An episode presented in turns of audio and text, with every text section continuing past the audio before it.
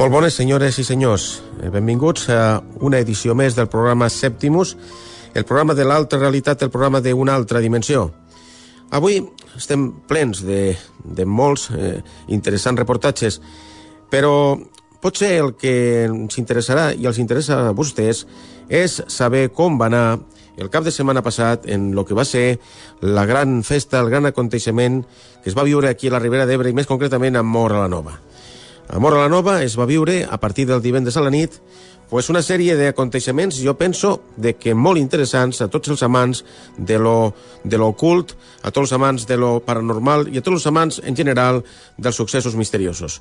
Va tindre lloc el divendres a la nit en l'ermita de Sant Pau de Nova la primera alerta OVNI de les Terres de l'Ebre, amb una assistència important. Unes 150 persones es van donar cita a l'esplanada de l'ermita de Sant Pau per intentar pues, passar un parell d'hores, des de les 12 de la nit fins a les 2 de la matinada, un parell d'hores, primer, amb un contacte directe amb els planetes, amb els estels, amb el firmament, amb l'univers, i després per veure la possibilitat si podíem veure un ovni, un objecte volant no identificat.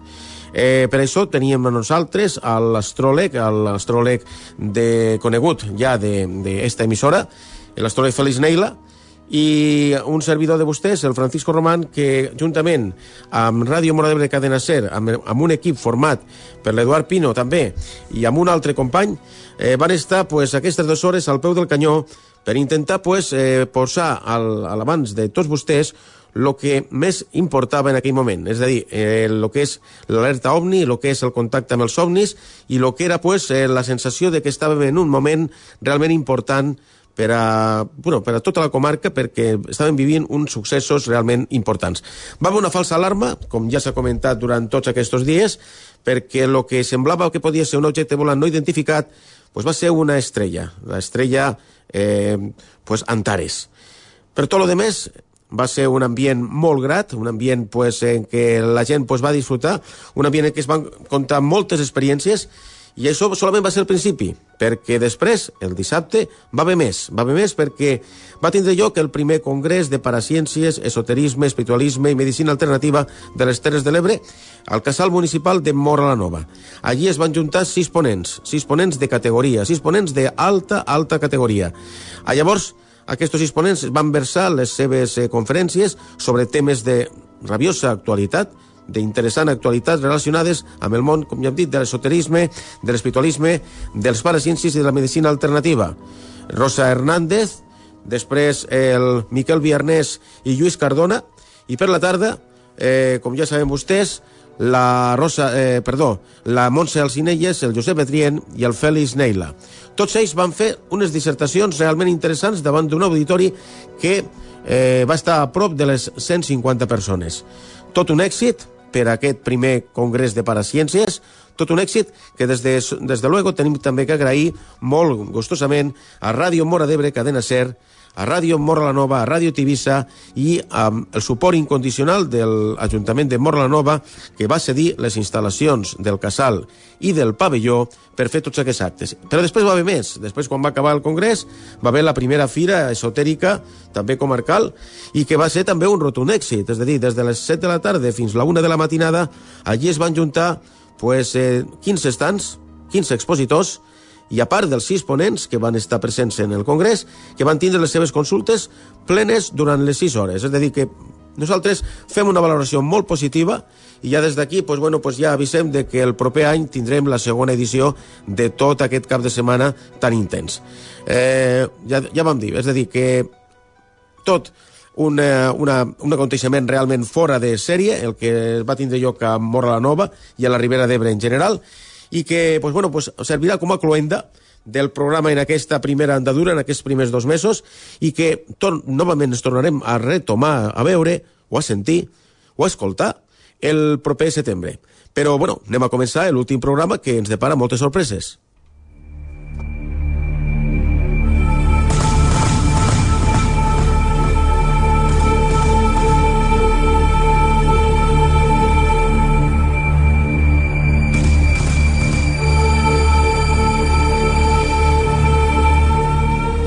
Vostès han viscut alguna vegada l'experiència d'estar en una casa encantada? Veritat que no? Pues escoltin el reportatge que a continuació els hi donem.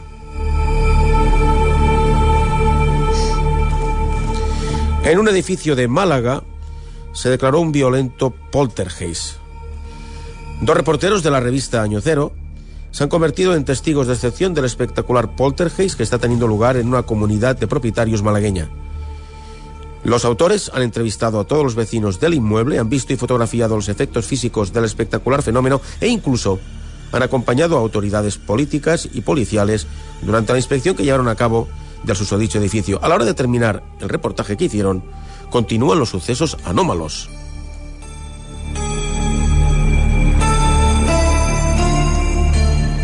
No hace muchos días, el viernes 24 de mayo, a las 9 de la mañana, la comunidad de propietarios de la calle Almagro número 1 en Málaga amanecía como un día cualquiera.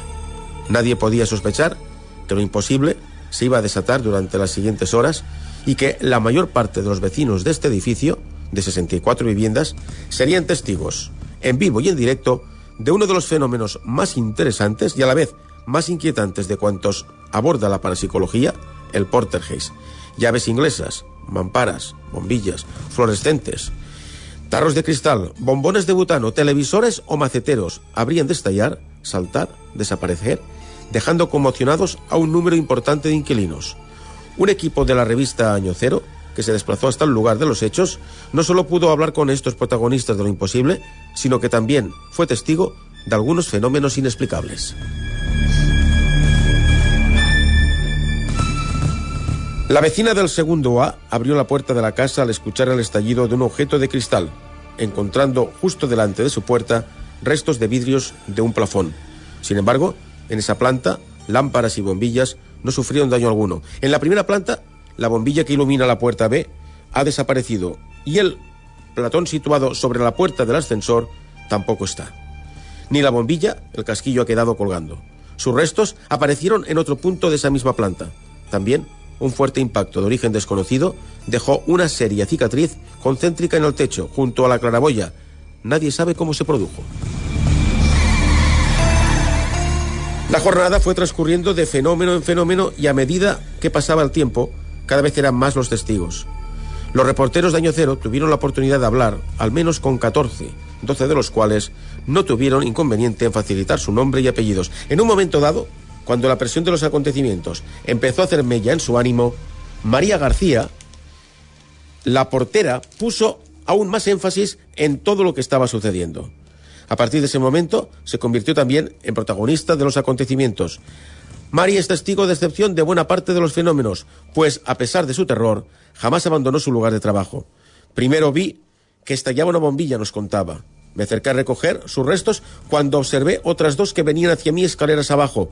La verdad, pensé que alguien me estaba gastando una broma. Acto seguido, me giré y contemplé muy sorprendida como otra bombilla salía volando desde detrás del macetero para acabar estrellándose contra la puerta del ascensor. Volví corriendo hacia la portería y no te lo vas a creer. Comenzaron a caer más bombillas del techo. Pero, ¿de dónde salían? Parecían surgidas de la nada. Acabaron haciéndose añicos al impactar con el suelo. A esas alturas ya estaba muy asustada, sin saber qué hacer, cuando escuché un fuerte estruendo en la portería. Varios muebles habían caído solos, desparramando por el suelo todo lo que guardaban. Esos muebles están sujetos a la pared por unas escarpias o alcatios. Esos muebles están sujetos a la pared de una manera que es casi imposible que se caigan de manera fortuita, si no son descolgados a propósito. Seguidamente, un foco que estaba en el interior de una bolsa deportiva, en el mismo cuartillo de la portería, salió de la bolsa estallando en el aire. Cuando todavía no se habían repuesto del susto, observaron el vuelo de un candado que acabó chocando contra una pared situada a unos 10 metros de los testigos.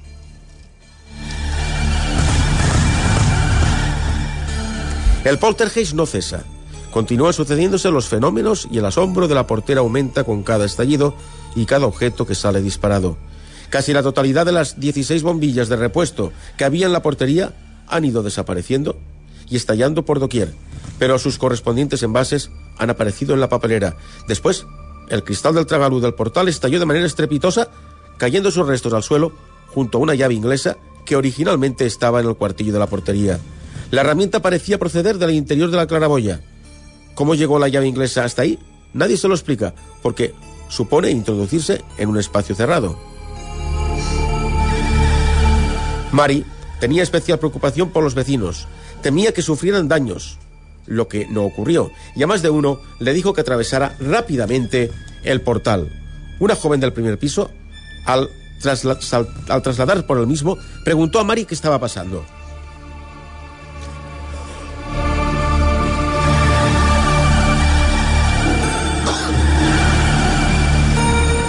y volvió a estallar una bombilla surgida de la nada, pero que procedía inexplicablemente de la reserva de bombillas de la portería. Minutos después, vio acercarse, como no, otra bombilla.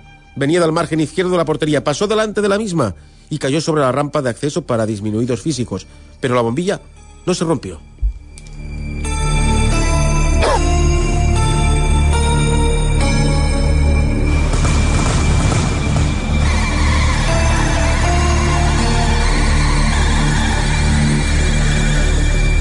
Los acontecimientos se sucedieron durante toda la mañana y nosotros mismos fuimos testigos de algunos hechos realmente sorprendentes, dicen los periodistas de Año Cero. Mientras hablábamos con los vecinos, en el mismo portal, se oyó muy cerca un característico estallido de cristales. Justo a nuestro lado, apenas a dos metros, descubrimos los restos de un bote de cristal de medio litro hecho añicos. Todos estábamos juntos y nos giramos ante el ruido. Aquel recipiente había salido de la nada.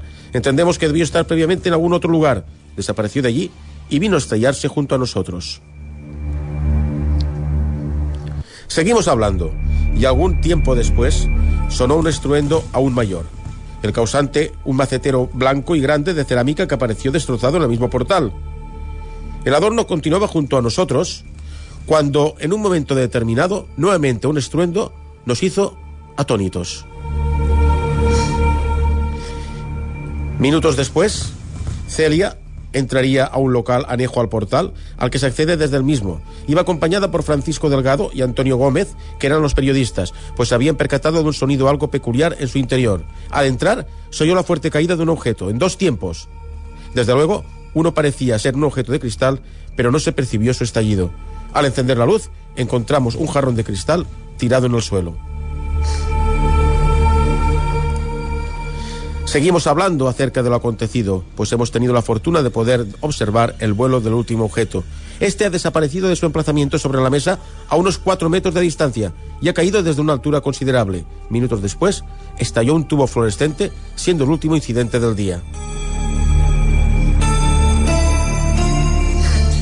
Ya el lunes día 27, en torno a las 11 y 20 de la mañana, se manifestó un nuevo fenómeno. Antonio Gómez pasaba despreocupado alejado unos 50 metros del edificio. De repente, un ruido tras de sí le hizo volver la vista atrás. Para su sorpresa, le seguía un extintor, rodeando calle abajo, quizá aprovechando la ligera pendiente, pero sin que la manilla que le acciona fuera impedimento. A simple vista, el extintor no tenía señales de haber sufrido golpe alguno, de haber caído desde algún lugar, aunque carecía de cono de descarga y de precinto. Al día siguiente, el martes, en torno a las seis de la tarde, los fenómenos se reanudaron. El cuadro que estaba colgado en la pared de la portería, donde estaban los buzones, cayó al suelo, aunque no había sido desatornillado de la pared, sino que fue literalmente arrancado de la misma, llevándose consigo los tornillos y los tacos.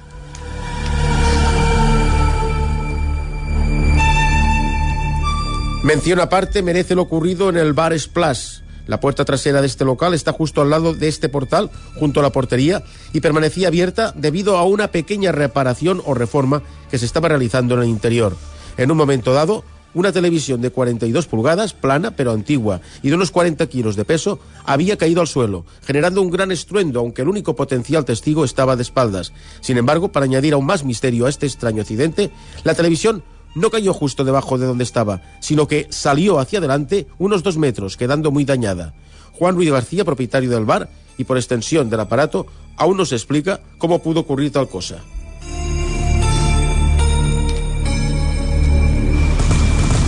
La tarde del martes 28, de improviso se personó en el edificio el concejal de seguridad del Ayuntamiento de Málaga.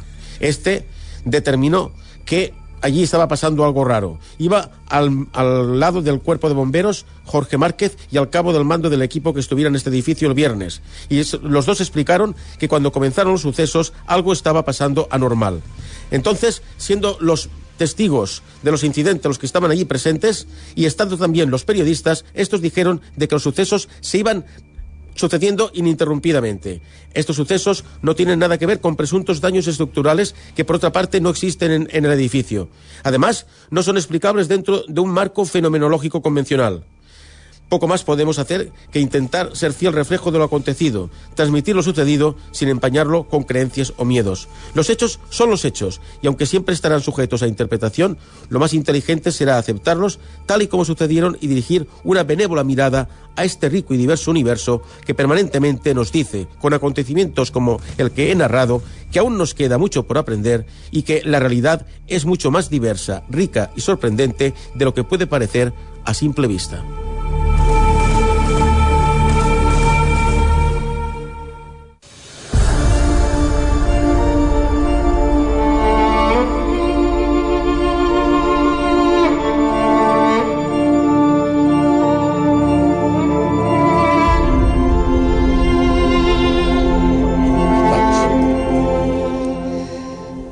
La relación entre las profecías marianas, el atentado contra Juan Pablo II y la caída de la URSS son materia reservada.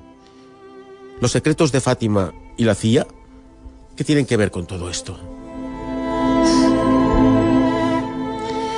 Ni el más imaginativo de los novelistas sería capaz de hilvanar un argumento como el que se oculta tras el intento de asesinato contra Juan Pablo II. Oscuras intrigas de espionaje internacional, mensajes celestiales, crímenes y conspiraciones políticas se entrecruzan en una trama cuyo telón de fondo es el acuerdo secreto al que llegaron el pontífice y la CIA con el fin de hacer cumplir el segundo y el tercer mensaje de Fátimas referidos al derrumbe de la Unión Soviética.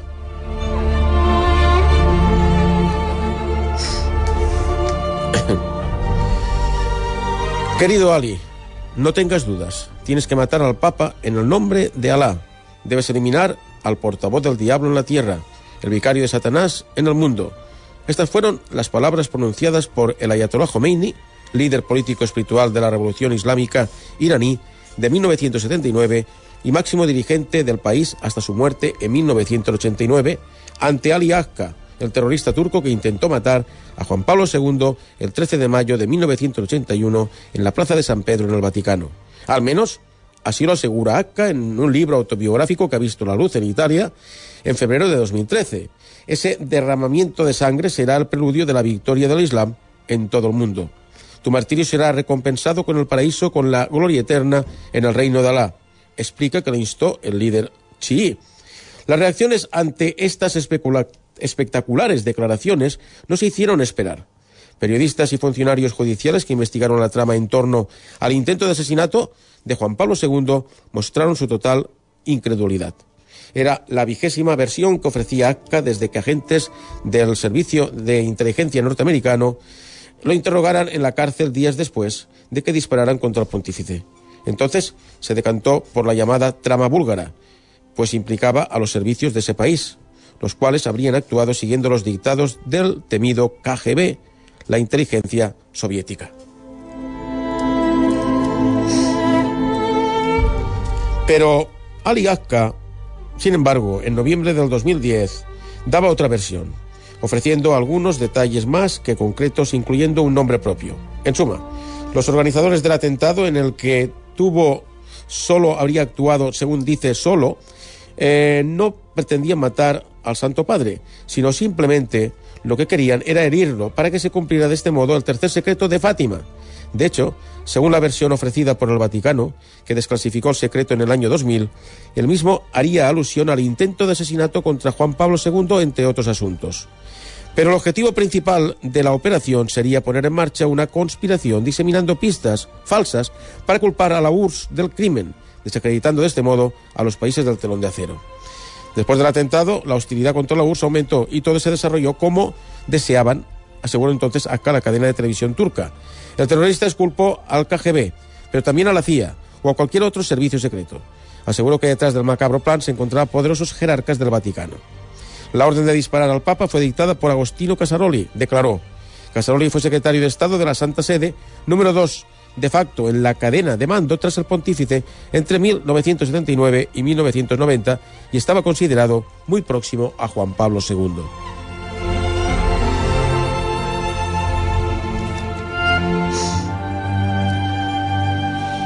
La mayoría de los prelados del Vaticano todavía se descartan por la llamada pista búlgara, según la cual el asesinato fue ordenado por los más altos jerarcas de la Unión Soviética en aquel lejano 1981. Entonces, Juan Pablo II era el principal ariete de Occidente contra el sistema soviético y para ello se apoyaba en el segundo secreto de Fátima, apariciones marianas, de las que era un fiel creyente. Y es que en esta intrincada historia, que ni se hubiera imaginado el mejor de los novelistas de bestsellers, se dan la mano los secretos de Fátima, visiones proféticas, conspiraciones internacionales y oscuras tramas de espionaje. Para arrojar algo de luz sobre unos hechos tan complejos, conviene situarnos en el 13 de mayo del 2000, cuando Juan Pablo II acudió a la explanada del santuario de Fátima para llevar a cabo la ceremonia de beatificación de Jacinta y Francisco Marto, dos de los tres niños videntes que vieron por primera vez la Virgen un 13 de mayo de 1917. Durante el transcurso de las más famosas apariciones marianas de todos los tiempos, los pequeños recibieron tres secretos, o mejor dicho, un secreto dividido en tres partes, la última de las cuales permanecía hasta ese momento bajo el sello de confidencial. Juan Pablo II leyó una homilía ante la presencia de Lucía dos Santos, la única superviviente de los tres videntes, quien se hizo monja de clausura en cuanto las apariciones llegaron a su fin. Las palabras del Papa no dejaron traslucir ninguna pista sobre lo que sucedería a continuación, pero apenas una hora después, saltó la sorpresa. Ángelo Sodano, entonces número dos del Vaticano, tomó la palabra y dio a conocer a grandes rasgos el contenido del secreto y la interpretación que la Iglesia había hecho del mismo. En suma, haría referencia a la lucha de los cristianos contra los sistemas ateos y al intento de asesinato de Juan Pablo II el 13 de mayo de 1981 en la Plaza de San Pedro a manos del terrorista turco Ali Akka.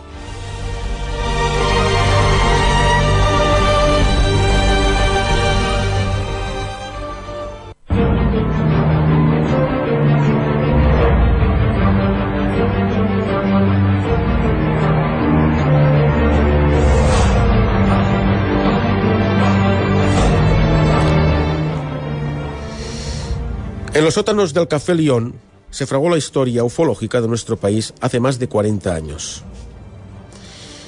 Sucesos vinculados al fenómeno ovni. Tras muchos años cerrado al público, volvemos a abrir las puertas, o lo han hecho unos periodistas de la revista Enigmas, y entonces verán ustedes lo que fue una época fascinante e irrepetible. Vamos a entrar, por tanto, en el café de los prodigios.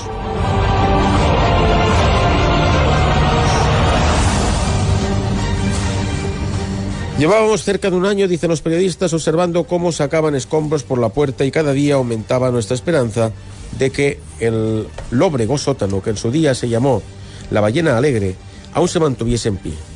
Rossi, encargada de la flamante taberna irlandesa que ha resucitado el viejo león, nos miró asombrada al ver nuestro rictus de alegría. Abajo, a ver pintura, pronunció con dificultad.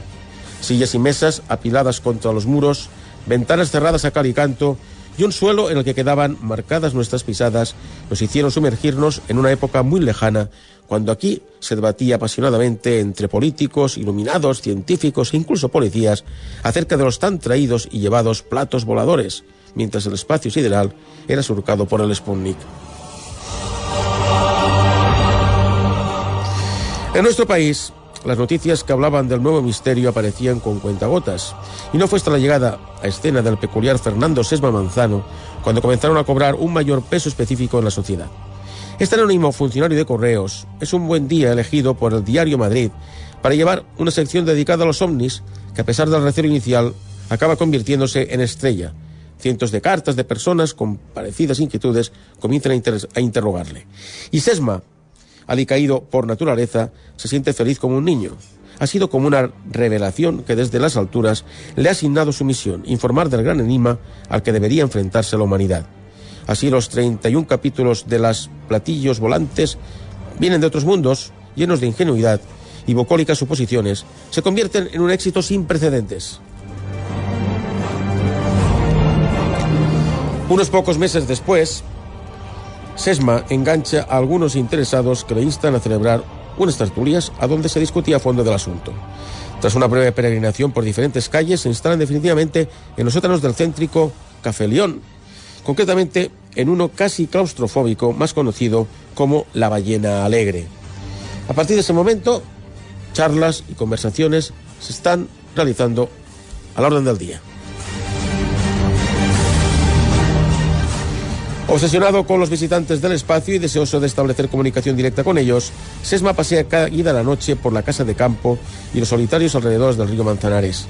En 1957 y durante una de sus excursiones nocturnas encuentra una serie de dibujos hechos con ramas y piedras muy parecidas a los que había entre la piedra de Samanturta. Aquello lo reafirmará en sus principios y el éxtasis llegará en 1961 con otro libro, ya a las espaldas, cuando tras dejar un alambre en la rama de un árbol, la casa de campo aparece días después en su lugar un oxidado destornillador. Más tarde encontrará dos calcetines junto a un libro titulado Toda una vida, en el que Sesma ve la señal irrefutable de que los seres del cosmos están premiándole por su dedicación y paciencia. Todo este torbellino de acontecimientos tendrá su punto álgido con la inesperada llegada a la ballena alegre de una serie de misivas mataselladas en diversos puntos del planeta. Entre ellas aparecen unas en rojo con el remitente de Luna, estas palabras agresivas y amenazantes que llegan a asustar a Serna y los suyos, y el primero de mayo, un sastre que vivía precisamente en esa dirección enloquece, aniquila a su familia a martillazos y puñaladas y sale al balcón con su bebé ensangrentado en brazos gritando al cielo, hoy era el día, tenía que hacerlo. Madrid se consterna y los tertulianos del León aún más. En uno de los pequeños patios interiores, el profesor, como así se hacía llamar, prende fuego a aquellos mensajes macabros. Poco después aparecen cartas e incluso llamadas de un grotesco personaje que se hace llamar Saliano y que afirma provenir del lejano planeta Auco. De la tertulia se alcanza el clímax. Un extraterrestre ya se encuentra entre ellos. La voz metálica de Saliano realizaba llamadas telefónicas al propio café dando órdenes. Cuando esto ocurría, un ambiente de expectación irreparable se apoderaba del grupo. Un martes de tertulia, una mariposa grande y totalmente negra se cuela en los sótanos y se posa en el reloj de uno de los asistentes. En ese preciso instante, Sesma es reclamado por un camarero para atender una llamada telefónica en la planta superior. Tras un par de minutos, baja desencajado. El teléfono era de Saliano, anunciando que se acaba de producir su encarnación. Al momento, la mariposa desaparece. No menos curioso y también zoológica fue la historia del gato Puchelf, un mínimo recogido por una de las admiradoras de Sesma y que, según afirmaba convencido el profesor, también provenía del planeta Ouko. Al cabo de un año, la popular mascota de la asociación desaparece en la azotea del edificio, siendo un suceso que verificaba para los contertulios su procedencia espacial. Sin lugar a dudas, la historia más rocambolesca tuvo como protagonista a un caminante invisible que se internó por sorpresa en la ballena alegre, dejando una serie de huellas en los almohadones y paredes. Era una bota descomunal la que había impresa en aquellas marcas. Confundidos y aterrados, los intelectuales, visionarios, curas, policías y literatos se estremecieron. Días antes, otro mensajero del cosmos había anunciado que algo así iba a suceder. A partir de entonces, Fernando Sesma se dedicó a divulgar su mensaje en un conocido programa televisivo, lo que aumentó de una forma desmesurada la asistencia de todo tipo de personajes. La ballena alegre se convirtió en el atrio donde videntes y contactados hacían apología de sus creencias y teorías sobre este y otros mundos al tiempo que otros con inquietudes más científicas se sentaban en las últimas filas con mueca de desaprobación. En pleno auge, el 5 de septiembre de 1969, Madrid era testigo del paso de un objeto triangular que fue contemplado por miles de testigos. Al día siguiente hubo récord de periodistas en el popular sótano. Allí Sesma le dice al mítico reportero de pueblo, Felipe Navarro, que en 1972 podría haber una invasión extraterrestre. Aquello es evidente, no llegó a suceder y poco a poco los miembros de aquel grupo inolvidable fueron disolviéndose, espaciándose las reuniones hasta casi desaparecer. En 1982, un Sesma envejecido y consciente de que ha sido engañado durante años, deja este mundo. Su muerte cierra una época inolvidable y vehemente que tuvo en el viejo Lyon su fortín. Los tiempos han cambiado y, lógicamente, aquellas tertulias han dejado el recuerdo bohemio de unas buenas personas que creyeron encontrar su verdad. Hoy, las pintas de cerveza negra corren por una barra reformada con formidables británicos a ambos lados de ella. El Café Lyon ya no existe. Sin embargo, solo hay que bajar unos peldaños y traspasar una puerta que aún cruje para penetrar en la historia. Bajo el bullicio de la gran ciudad, entre las sombras comprobaremos como la gran ballena aún sonríe divertida. Y es que estamos seguros, el espíritu entrañable de toda aquella gente aquí todavía sigue vivo.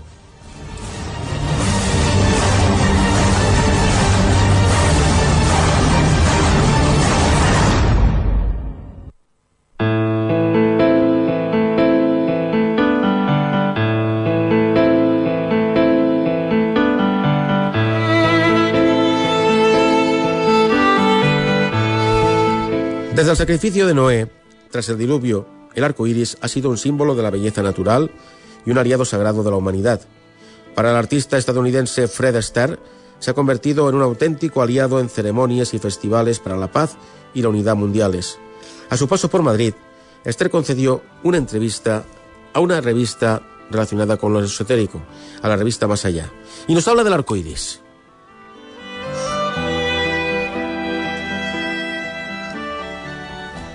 Y nos dice el profesor que el arco iris está lleno de enigmas, está lleno de cosas interesantes.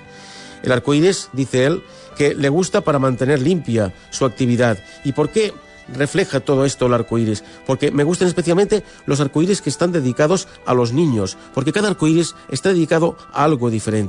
Entonces, me encanta verlos correr a los niños bajo el arco iris jugando con el agua. Les gusta colocarse en el centro de un arco iris circular completo.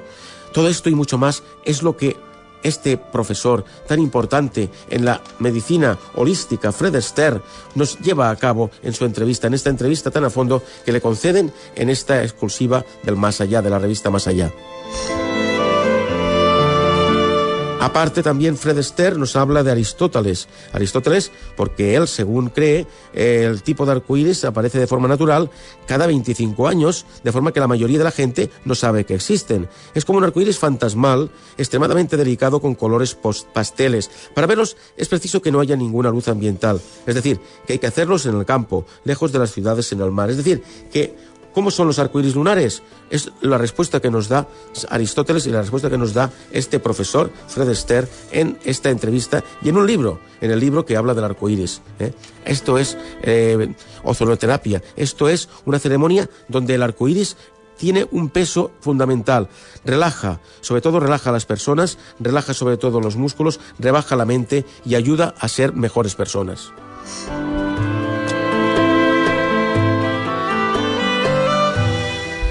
No hay calderos de oro donde el arco iris parece cruzarse con la tierra, pero a veces se ven columnas verticales de luz en ambos extremos del arco. También hay arcoíris con arcos blancos, que la óptica meteorológica aún no sabe explicar. Hay otros aún más complejos llamados supernumerarios, en los que se observan franjas coloreadas debajo del color violado. Estos son los arcoíris. Los arcoíris tienen su propia luz y su momento adecuado para iluminar nuestro espíritu. Entonces, la naturaleza está llena de espíritu, está llena de verdad. Fijémonos, sobre todo, cuando hay un arco iris, en lo que nos delata, en lo que nos quiere dar a significar. Nos ayudará mentalmente y nos ayudará a formarnos como personas.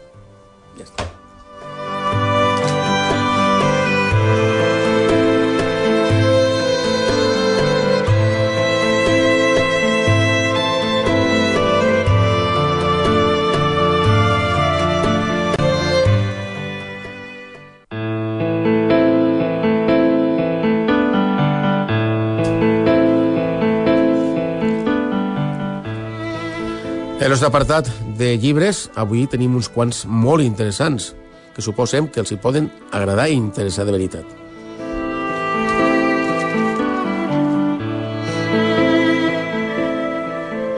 El primer porta per títol Apariciones y vida tras la vida, de la editorial Planeta.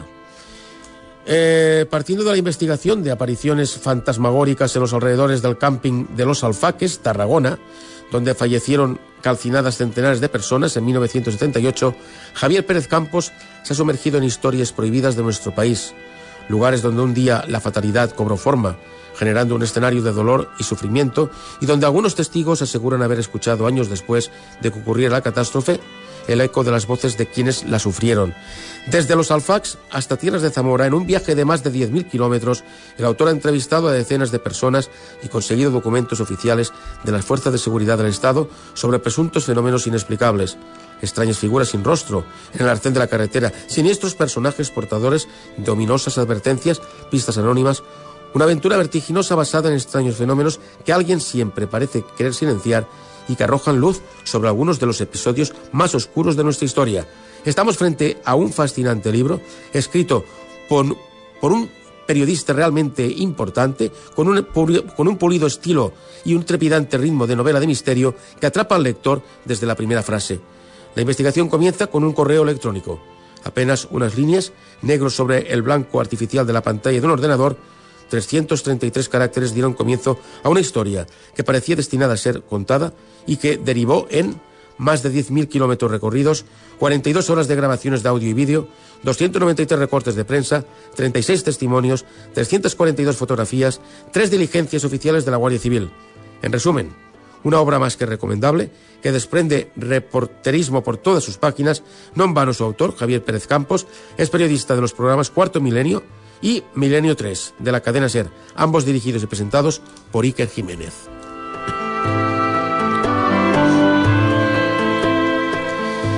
El poder del yo soy, libro realment molt interessant. La vida es mucho más que física, de ahí que la metafísica sea una gran herramienta para poder conocernos y hacer realidad nuestros sueños.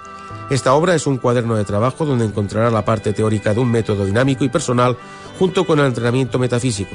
La autora Nina Linares, gracias al trabajo de décadas en talleres y cursos que imparte constantemente, le acompañará en esta aventura para que los cambios que quiere hacer en su vida sean posibles y siempre de manera alegre, fácil, poderosa y sencilla, a fin de que logre sus metas y proyectos el camino hacia el cambio. Y por último, leer la mente, con más de 350.000 ejemplares vendidos en Alemania, el autor de La mente, de quien tiene enfrente, aunque carece de cualidades sobrenaturales, mi secreto consiste en lograr percibir en qué dirección está pensado, asegura Habener, cuando se concentra la atención de algo, la energía también acompaña a esa concentración. Numerosos experimentos, trucos y ejercicios prácticos que se reúnen en estas páginas le permitirán descubrir cómo realizar la lectura de pensamientos de los demás. Con entrenamiento, confianza en uno mismo e intuición, todo el mundo puede aprender a percibir este poder único que emana de otra persona. Leer la mente. Editorial La Esfera.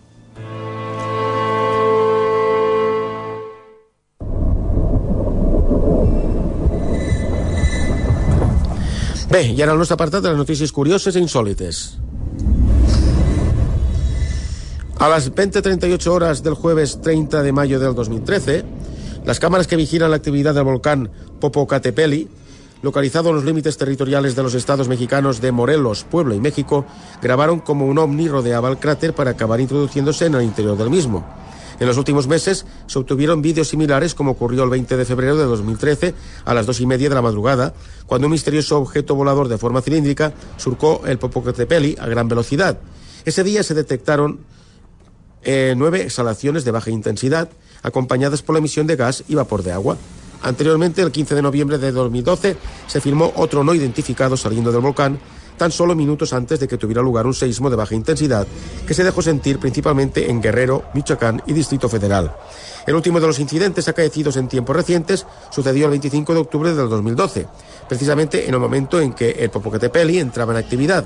En esa ocasión, las cámaras de Televisa, uno de los canales de televisión más importantes del país azteca, se encontraban filmando el cráter a última hora de la tarde cuando captaron aún no identificado saliendo del mismo.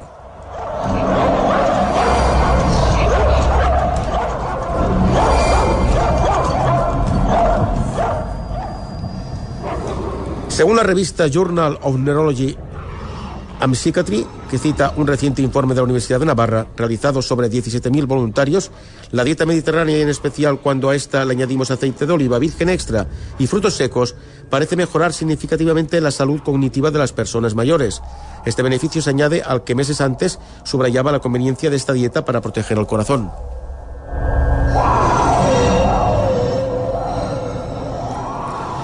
Un equipo científico del King College londinense ha descubierto la vinculación existente entre los bajos niveles de vitamina D, aquella que generamos por la exposición a la luz solar, y el empeoramiento de los síntomas asociados con el asma.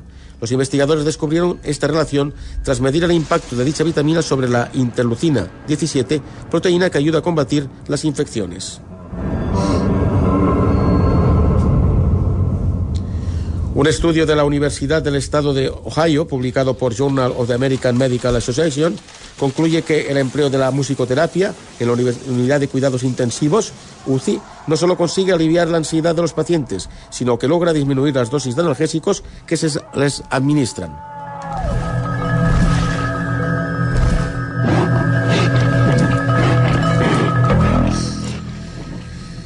Extintos en Siberia hace 8.000 años antes de Cristo, los mamuts lanudos eran animales extraordinarios, como igualmente lo es que sigan hallándose sus restos, perfectamente conservados bajo el gélido permafrost. Pero lo que supone un verdadero hito para la paleontología es haber encontrado tejido muscular y la sangre licuada de uno de estos grandes mamíferos, como acaban de hacer científicos de la Sociedad Geográfica Rusa y la Universidad Federal del Noroeste, que exploraban la recóndita isla de la pequeña Leonovsky en el archipiélago de Nueva Siberia. Cuando rompimos el hielo sobre su abdomen, comenzó a brotar la sangre casi negra. Es el caso más increíble que he visto en mi vida, comentó Semyon Grigoriev, uno de los científicos responsables del descubrimiento. Además de ponderar la importancia intrínseca del hallazgo, Grigoriev ya ha aventurado la posibilidad de aislar células vivas del animal cara a su posible clonación.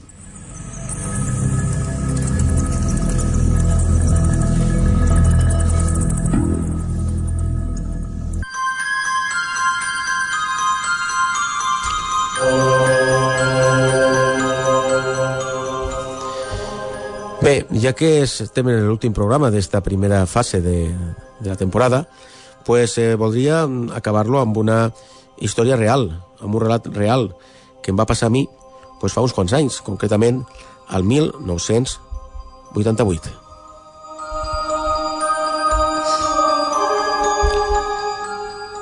Yo estaba desplazado, trabajando de profesor en la población de la Espluga de Francolí. Entonces, eh, conjuntamente con unos compañeros íbamos a celebrar el final de trimestre, del primer trimestre, antes de Navidad, concretamente era un jueves por la noche, y entonces nos dirigimos a la ciudad de Tarragona con el fin pues de pues, celebrar la noche y cenar allí, pasar un, rato divertido, ¿no? Entonces eh, los cuatro compañeros, dos eran de Montblanc, y entonces eh, el otro compañero que iba conmigo en el coche era de fuera, era de Lérida, Lleida, y yo, pues bueno, pues eh, de Morlanova. Entonces, eh, yo vivía en aquel tiempo en la Espluga de Francolí, y los otros compañeros pues también tenían, pues eh, los de Montblanc vivían allí, y el otro compañero de Lleida se desplazaba cada día hasta allí. Esta noche, pues cogimos los dos coches y nos dirigimos, pues, como hemos dicho, a la ciudad de Tarragona. A eso de las tres y media de la madrugada subíamos por el Coy de Lilla, ¿eh? Y entonces en la bajada que hay desde el Coy de Lilla hacia Montblanc, nosotros íbamos delante cuando mis compañeros se quedaron a repostar gasolina pasado la población de Baix. Entonces nosotros íbamos delante y a la altura pues de una curva que hay bastante pronunciada antes de llegar a la población de Montblanc, a unos cuatro kilómetros, eh, vemos, la noche era muy despejada, hacía mucho frío, y entonces vemos eh, una figura, una silueta femenina con una túnica blanca que nos estaba haciendo pues eh, señales para que nos paráramos. Nosotros pues bueno pues eh, paramos, frenamos el coche, a esas horas de la noche, como es natural, lógicamente, no circula nadie por el a no ser pues que nosotros circuláramos porque íbamos a celebrar ese fin de fiesta y paramos, es decir, eran las tres y media de la madrugada, paramos y bajamos del coche y le preguntamos a esa joven, una joven rubia, eh, con una túnica blanca y que, bueno, pues con el frío que hacía, porque era pleno invierno, el mes de diciembre, eh, que podía hacer a esas horas de la noche.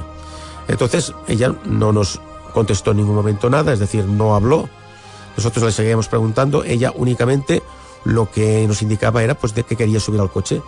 Con esa indicación le abrimos la puerta trasera del coche eh, y se sentó en, el asiento pues posterior. Mi compañero y yo pues nos salíamos de nuestro asombro, es decir, una chica joven a esas horas de la noche, con una temperatura aproximadamente de 4 o 5 grados bajo cero, pues bueno, que era algo inexplicable.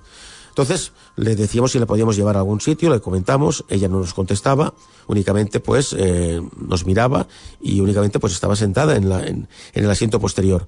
Eh, yo pues que conducía pues me puse en marcha y continuamente pues intentábamos hablar con ella, mi compañero también, la miraba por el espejo que hay allí pues en la parte delantera del coche y a unos 500 metros aproximadamente estábamos conversando el compañero y yo, mi amigo, y al momento que miramos hacia el retrovisor, delante de nuestra estupefacción, delante de nuestra sorpresa, la joven había desaparecido.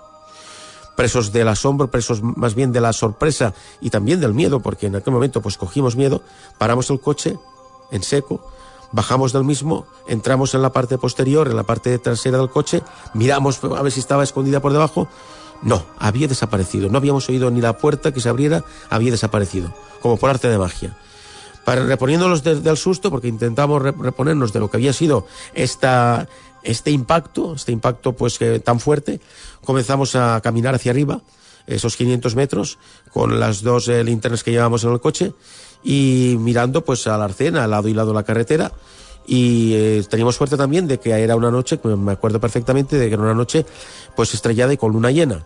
Entonces mirábamos siempre a un lado y a otro del, del arcén, no había absolutamente nada y en eso, cuando ya prácticamente llegamos a la curva donde habíamos cogido a la chica, pues llegan nuestros compañeros. Nuestros compañeros se paran, nos preguntan pues qué, había pasado, les, contamos, no se lo acaban de creer, ni mucho menos, pero les contamos de que era verdad, de que la, la chica pues había desaparecido y bueno, pues eh, no, lo, no lo localizamos. Después de casi una hora buscándola, casi una hora buscándola, pues desistimos de la, de la búsqueda y bajamos hasta la población de Montblanc.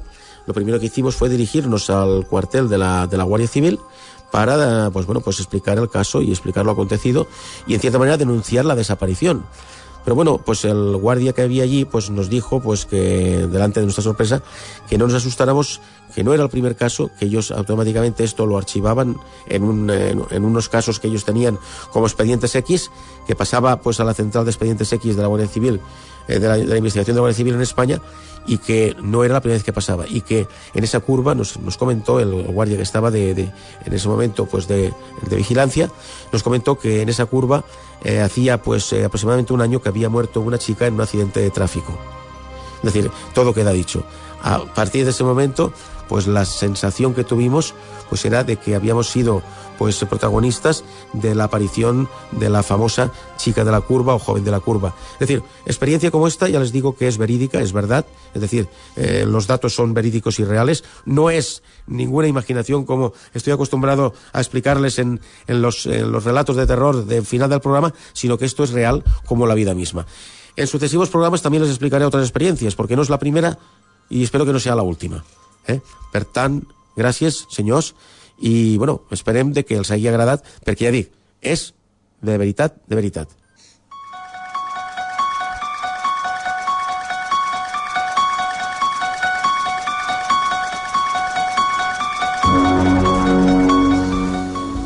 Bé, estem arribant al final. Eh, amics, eh, senyores, senyors, eh, arribant al final d'una singladura important. És a dir, portem dos mesos de programa i hem fet molt. Pensem de que hem fet molt perquè vuit, vuit, vuit programes, dos mesos, amb el palmarès de que hem intentat arribar, amb l'audiència que ha anat increixendo, i tot això gràcies a vostès, gràcies a Ràdio Mora d'Ebre Cadena Ser, gràcies a Ràdio Tivissa, gràcies a Ràdio Mora Nova, gràcies a tots els que heu fet o esteu fent d'aquest programa que surti cada setmana en antena i que estigui al vostre costat. El programa Sèptimus no s'abandona. Us deixo una temporada, marxem de vacances, unes merescudes, pensem, vacances, no solament per a nosaltres, sinó per altres programes d'aquí, de Ràdio Mora d'Ebre Cadena Ser, i que, pues, bueno, pues, tornarem, si Déu vol, esperem que sí, el proper setembre, amb molta força, molta energia i amb moltes sorpreses. És a dir, penseu que hi haurà moltes sorpreses. Això és tot el principi, però tindrem moltes sorpreses que a partir de setembre us intentarem desvellar. Res més. Senyores, senyors, bon dia, bona tarda, fins després de l'estiu.